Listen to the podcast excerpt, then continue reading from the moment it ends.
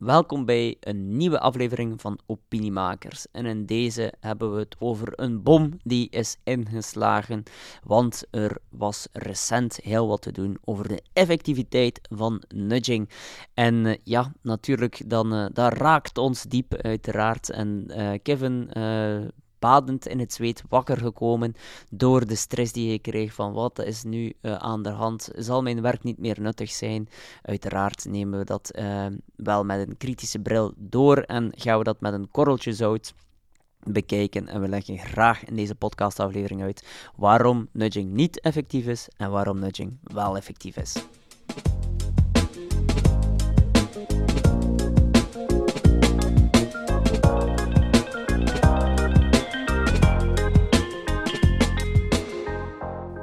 Reinoud.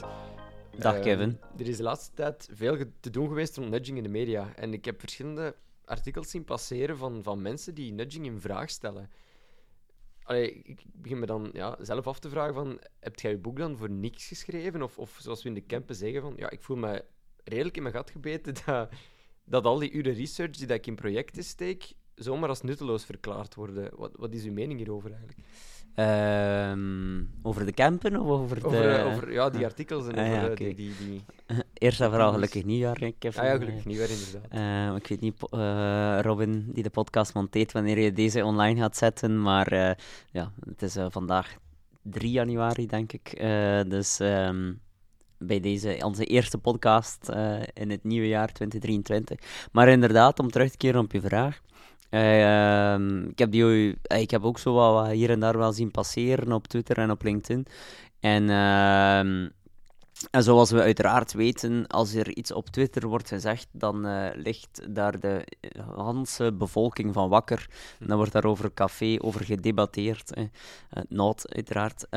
Maar ehm, ik denk dat het ook al een stukje een bias is van onszelf, voor alle duidelijkheid. Want een availability bias, omdat wij, ook een stukje misschien wel wat we dan noemen curse of knowledge, waar niet willen zeggen dat wij nu zo'n uitzonderlijke knowledge hebben, dat is aan jullie om te bepalen uiteraard, maar eh, aan de luisteraars. Maar eh, omdat wij daar gewoon veel meer naar kijken, hebben we het gevoel dat er al veel over wordt gedebatteerd, maar uiteindelijk, ja, in de praktijk is dat, zijn dat misschien een paar mensen die, die wel worden gevolgd door mensen zoals ons, die daarover communiceren. En dan lijkt het alsof dat er een hele grote groep daarover communiceert, maar in de praktijk is dat eigenlijk maar heel beperkt en gaat er niemand op café daar maar over gesproken hebben tijdens, tijdens deze eh, feestdagen of de afgelopen feestdagen. Maar het is dus wel zo dat er eh, recent een onderzoek is gepubliceerd. Een soort van eh, metastudie, die, ja, die heel wat nudges onderzocht heeft en dan gekeken heeft eigenlijk of dat nudging effectief is. En daar zijn er inderdaad wat kritische vragen over te stellen, over nudging in het algemeen, door die meta-analyse. Waarbij er wel al een andere meta-analyse ooit ook is gebeurd, die dat dan een stukje wel zegt van oké, het is wel effectief. En niet alle nudges zijn effectief. Ehm, dus ja, het, het, het is, het is een relatief recente stroming, eh, moeten we het misschien zo noemen, die, ja, die nog volop in opmars bezig is en waar er dus ook meer en meer onderzoek wordt naar gedaan. En dus, ja, hoe werkt wetenschappelijk onderzoek? Iemand onderzoekt iets en iemand anders gaat het dan opnieuw onderzoeken of dat onderzoek klopt. Dus dat is ja, these, antithese, dat is hoe dat de wetenschap werkt, uiteraard. Dus het is logisch dat er, dat er bij nieuwere zaken, vernieuwendere zaken, eh, ja, altijd wel op een of andere manier ook kritiek komt. Dat is ook hoe, ja, wat wetenschappers moeten doen. Dus ik denk dat dat de eerste is dat we wel al een stukje moeten plaatsen. Maar het is wel een feit, en dat heb ik trouwens ook eh, in het boek eh, geschreven. Dus eh, op je vraag te antwoorden, hebben we dan het boek voor niets geschreven, of is ons werk dan voor niets? Uiteraard niet, hè, want we hebben letterlijk, ik denk dat het het eerste en het laatste hoofdstuk is, geschreven ook dat nudging altijd in perspectief moet geplaatst worden. En vandaar dat wij met exposure niet enkel focussen op nudging, waarbij, by the way, ook het boek niet nudging hebben genoemd, maar nudging en overtuigen omdat eh, nudging, en ik zeg dat ook vaak in de workshops, te vaak wordt gezien als een wondermiddel of een, en soms ook vaak merk ik, door beleidsmakers, als een middel om soms eigen beleid of eigen keuzes uit te stellen en niet door te duwen of misschien zelfs een beetje te maskeren. Ehm, terwijl ja, nudging helemaal geen wondermiddel is. Het is een techniek om gedrag te, eh, of mensen te overtuigen of gedrag te sturen richting een bepaalde eh, keuze, eh, bij voorkeur een goede keuze, uiteraard. Dus ehm, het is zeker niet zo dat nudging een wondermiddel is. En ja, nudging heeft ook, of er zijn heel wat onderzoeken waarbij nudging geen effect heeft. Maar dat mag nooit de uitgangspunt zijn. Je mag nooit je uitgangspunt mag nooit zijn van uh, we gaan een nudging doen. Daarom. Nee, wij moeten, wat wij doen met exposure is wij zetten gedragswetenschappen in. En nudging is een onderdeel, of nudges zijn een onderdeel die je kan gebruiken om gedrag te sturen. Maar zoals ik ook in het boek schrijf, ja, je hebt de stok, de preek en de wortel. En nudging is er nog een andere techniek. Maar je hebt ook nog heel veel wat andere psychologische technieken die niet nudging zijn, die psychologisch wel onderbouwd zijn die niet per se tot de nudge theory behoren, maar die we ook in ons boek beschrijven, die we ook toepassen. Dus het is om gedrag te sturen, om mensen te overtuigen, is nudging en alle technieken die onder nudging vallen zijn een mogelijkheid, maar wij gaan zoveel meer kijken naar mhm. enkel de psychologie. Ook de context is belangrijk, ook de communicatie is belangrijk. En vandaar ook op onze website staan er zo de drie kringen: communicatie, politiek en psychologie. En dat is een beetje de essentie uh, van wat wij doen en waar dat ook noodzakelijk uh, is hoor, voor alle duidelijkheid. Als je enkel psychologie toepast, dan verlies je mhm. te veel uh, de context, want de context is altijd giga belangrijk. En je moet het ook op een goede communicatieve manier brengen. En je kan wel een enorme goede nudge-concept bedenken, maar als je die niet bij de mensen kan brengen door bijvoorbeeld een gerichte advertentiecampagne op social media, dan ga je nudge ook geen effect hebben. Dus daarom, nee, nudge is niet een wondermiddel. Ja, het kan vaak wel werken, maar je moet het altijd met de context, dus de maatschappij, en een goede communicatie eh, combineren. Maar dus, uh, ik, ik, ik, kan me voorstellen dat veel tegenstanders dan ook denken dat nudges ja, eigenlijk in veel gevallen gewoon standaard trucjes zijn die overal toepasbaar zijn. En daardoor inderdaad heel de context uit het oog verliezen en zo. En daar dan ja, verbaasd zijn dat, dat, dat het niet werkt. Nee, klopt. Ja, dat is zo. Um, ik, ik uh, geef heel veel, uh, of ik heb het geluk om uh, regelmatig workshops te mogen geven, of podcasts zoals deze, webinars en zo verder, e-books. En dat probeer ik altijd te duiden. En dat je niet zomaar een nudge, bijvoorbeeld een techniek in Australië rond mm alcoholgebruik, dat je die zomaar kan kopiëren in bij wijze van spreken, Zanzibar, uh, in een bepaalde regio. Nee, dat, ja, we hebben het er uh, deze, nog, deze ochtend ook nog over gehad, Kevin, over culturele verschillen. Dus ja, dat, is, dat heeft ook al een impact, ook communicatief, maar ook wetgeving heeft een impact. Dus je kan nooit zomaar iets kopiëren en mensen die dat eigenlijk gewoon lukraak kopiëren, ja, dan doe je dat gewoon. Ja, dat is een beetje gokken dat je doet, want uiteindelijk ja, gok je dan of dat deze techniek gaat werken. En dat is uh, misschien wel een beetje uh, een, uh, een, ziekte in de. Uh, moet misschien wel opletten hiermee, maar wel een ziekte in de communicatiewereld. Hè, dat er heel vaak wordt, wordt gegooid tegen de muur en dan mm wordt gekeken wat er blijft plakken. Um, terwijl ja, wij veel meer echt opnieuw die psychologie, eh, ofwel nudging, gedragswetenschappen en andere technieken um, die wetenschappelijk onderbouwd zijn, combineren met onze kennis over de maatschappij, over de politiek, en dat gaan toepassen in gerichte communicatie. Het zijn eigenlijk altijd die drie kringen, wat ook exposure maakt, maar die drie kringen waar we of waar ik dan toch en ons team eh, rots van, van overtuigd ben, die cruciaal zijn om een mhm. succesvolle campagne, gedragscampagne te hebben. Dus om bij een mooi voorbeeld te zeggen, als je bijvoorbeeld een, een sensibilisering campagne um, naast de autostrade zou vertalen naar een Australische campagne, zouden, die, zouden de borden gewoon aan de foute kant van de weg staan. dat al, bijvoorbeeld. Ehm, maar ehm, ja, ik, herinner me wel nog zo wat, wat voorbeelden. Het was er recent ook nog zo eentje die zo gewoon vertaald is van Nederlands naar Frans of van Frans naar Nederlands, waar het ook, ja, dat ook echt wel een mhm. grote fail was. Dus uh, dat, dat zit ook vaak in kleine zaken. En uh, vooral de culturele wetgevende verschillen, daar zie ik mhm. vaak dat er fouten worden gemaakt. En... Um, en natuurlijk, ja, als je dan een meta-analyse doet of een metastudie doet, ehm, ook wetende dat het een nieuwe stroming is, dat er heel veel wordt geëxperimenteerd vandaag. Ja, als je natuurlijk veel experimenteert, heb je ook heel veel uh, ja, experimenten die niet succesvol zijn, maar uit die experimenten die niet succesvol zijn, leer je ook heel veel. Mhm. Dus een metastudie over iets dat relatief recent is, waar dat er ook zo weinig rekening mee wordt gehouden met de context, met de zaak. Ja, ik vind dat wat gevaarlijk. Ehm, maar het is goed dat er wat kritisch, eh, wat kritisch wordt gedaan over nudging. Ik, ik doe dat zelf ook. Want ik vind ook, en ik krijg, ik krijg soms ook eh, vragen van, van organisaties en bedrijven die letterlijk zeggen: ja, we willen dan nudging doen. En terwijl, ja, zo werkt het niet. Hè. En, Nee. eh, we hebben ook in ons boek Het Kompas voor Verandering beschreven welke fases zijn. Er zijn drie fases: ehm, de analyse, dan de nudge bedenken, de brainstorm en dan de evaluatie.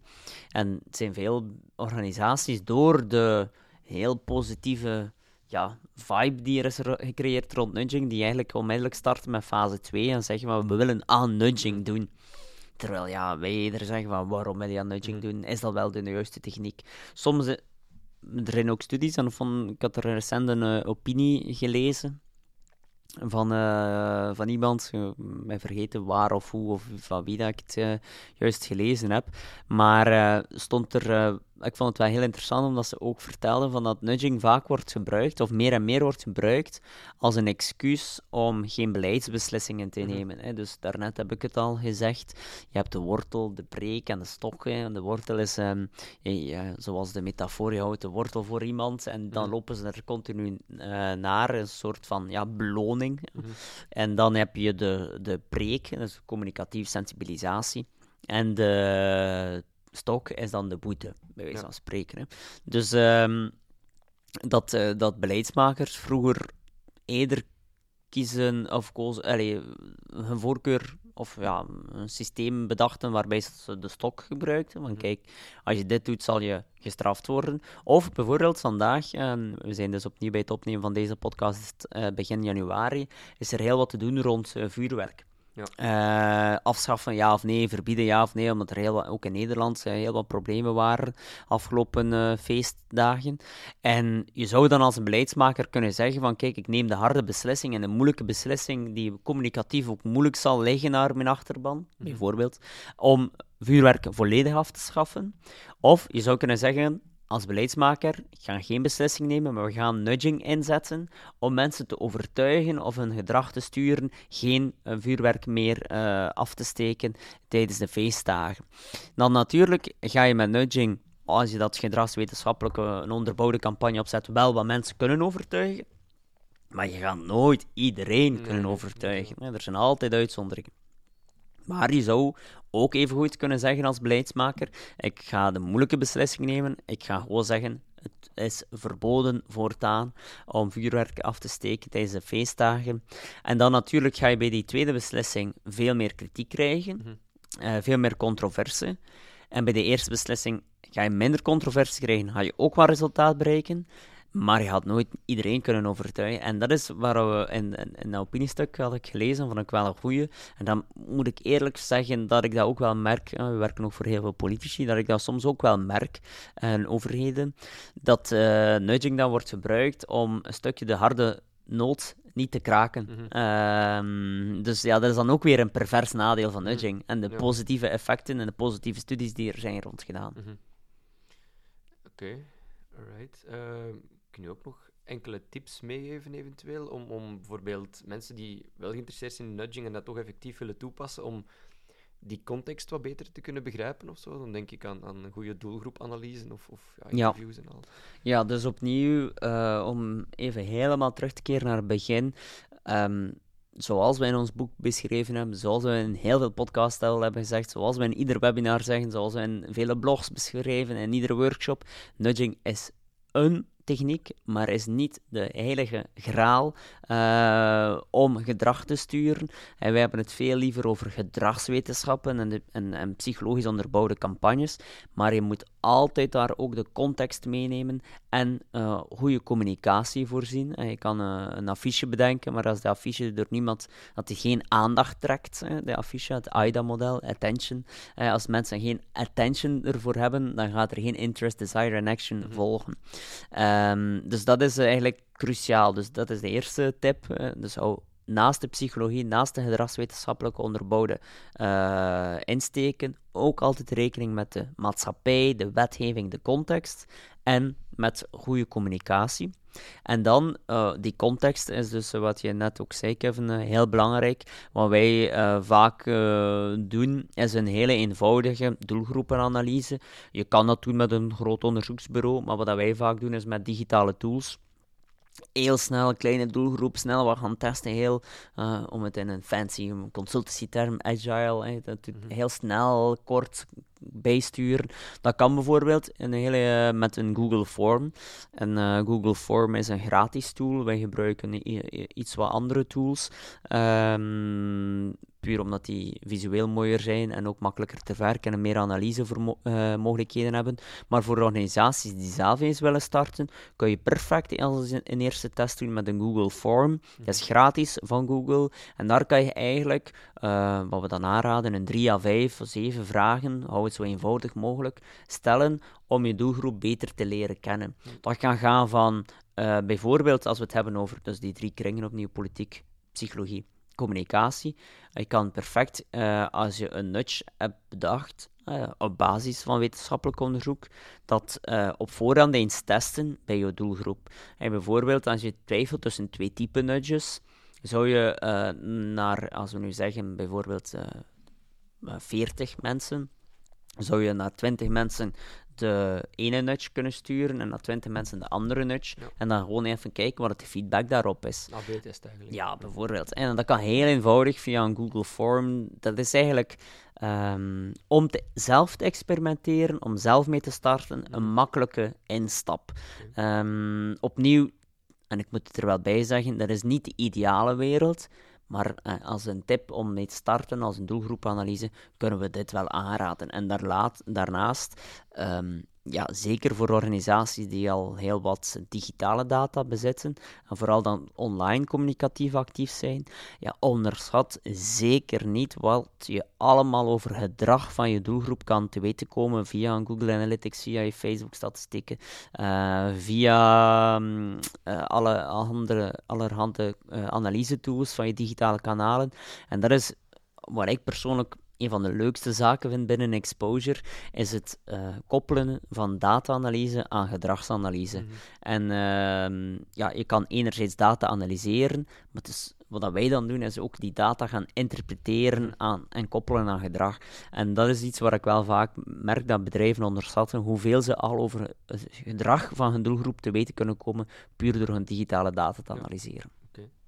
Alright, top. Nee, bedankt voor deze verduidelijking en uh, deze handige tips.